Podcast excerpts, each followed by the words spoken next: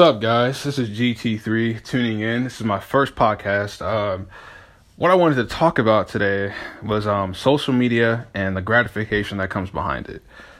Um, I know most of us are Twitter users, Facebook users, Instagram users, Snapchat users, users of all different types of apps. And the world of applications is awesome. You can create practically anything, any game. You know, you just need a certain code, a coder, and boom, you have an app. And you know, we've been using these apps for years. I mean, these have been a part of our life for almost a decade now. And what it's turned into, in my opinion, is just not just a place you know to post your thoughts, but it's almost a place to kind of like both lament and to gain like gratification because you're not getting it in you know reality. And it's so easy just to run on Twitter and tweet something and everybody favors it. Okay, people like me. Wow, I feel great now.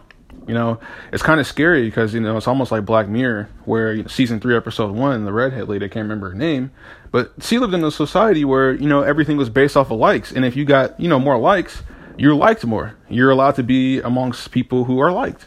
And if you're not, you fall below that that threshold or that you know that median, you know you're screwed, and you have to work your way up. And that's what I feel like a lot of people want to do. And when they don't get that, they get kind of frustrated, so they go on and Twitter kind of bash others, and then it's just uh, this whole cycle of bashing, gratification, bashing, gratification. You know, everybody wants to be gratified. You know, because you know I'll see somebody getting gratified. I'll see him getting gratified. You know, where's my gratification? You know, so oh shit, I need to post my moves. You know, whatever. Okay, whatever I'm doing, I need to post it. Whatever, so people can like what I'm doing. And it's almost come to a thing where it's like, are you posting for gratification? Or are you posting because you really mean it? You know, if I if I really mean something, you know, I mean, you're gonna know it. I mean, if you're just constantly posting every micro accomplishment, are you really making moves? And I see a lot of people. I know a lot of people personally, you know, who do that, and then you talk to them and they really can't tell you shit about it. And it's kind of like, well, you know, why why would you post something if you don't really 100% represent that? I mean, my phone broke in August, so I really haven't been posting many of my accomplishments on social media. And what I've learned from that is, do I really need to? I mean, I've been to a plethora of comp- conferences with many local optometrists in my area, and I've been personally invited, you know, sharing multiple emails. It's almost to the point where I, I kind of feel like one because I've been around them so much And you not nobody really sees any of that stuff. Do I need to post it? No, because it's not a finished accomplishment. It's not a finished task. I'm still persevering and I'm still pursuing that goal. Which you know, my goal probably won't be finished until I'm dead. I just want I want to work on something forever, you know. And then people like just love to post every little thing, every step of the way to get that gratification. Well, that gratification is also distraction because we all know when we post something, we're stuck in that little I mean, 30 minute little bo- little bubble of waiting for likes, for likes and stuff like that. So that's just that takes time out of our day. We get that like, or you know, we just we just feed off of that that that fake energy that's not that's not real. I mean, Twitter doesn't exist beyond your phone. You know, as soon as you turn your phone off, Twitter's gone. That's gone. The people who like your stuff is gone. It's not in real in your reality, and it's kind of disheartening when in reality you're not getting as much gratification just because everybody lives in that world of Twitter because it's right there and that's where every all that stuff goes.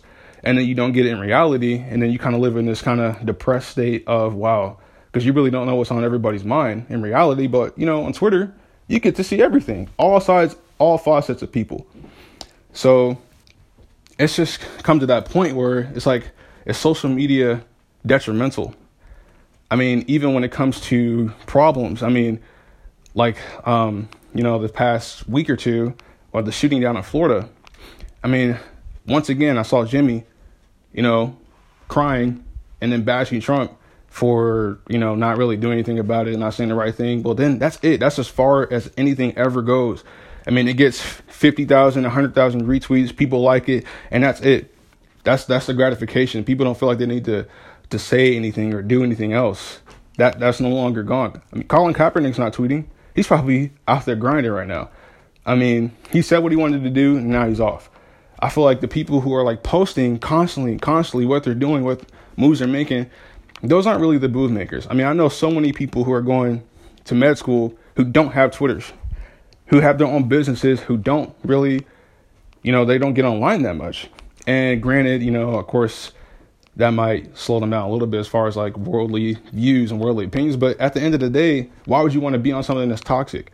I mean, most of the conversations that I see every day go on Twitter are sex, sex, and maybe a little bit more sex. I mean, it's just insane nowadays. I mean, it's come to the point where we just want that gratification so bad when we don't get it. And it's just really, really, really affecting people in a negative way. So I just want to ask, you know, for, for those who've listened, to take the time to really consider, you know, is this the healthiest thing for me? Am I done yet? And if I'm not done yet, why am I going to post something that's incomplete or incomplete? So, you know, just uh, just one of the thoughts of the day. Um, tune in for another podcast, probably coming out later this week. I appreciate you guys for tuning in. All love to everybody. Signing out.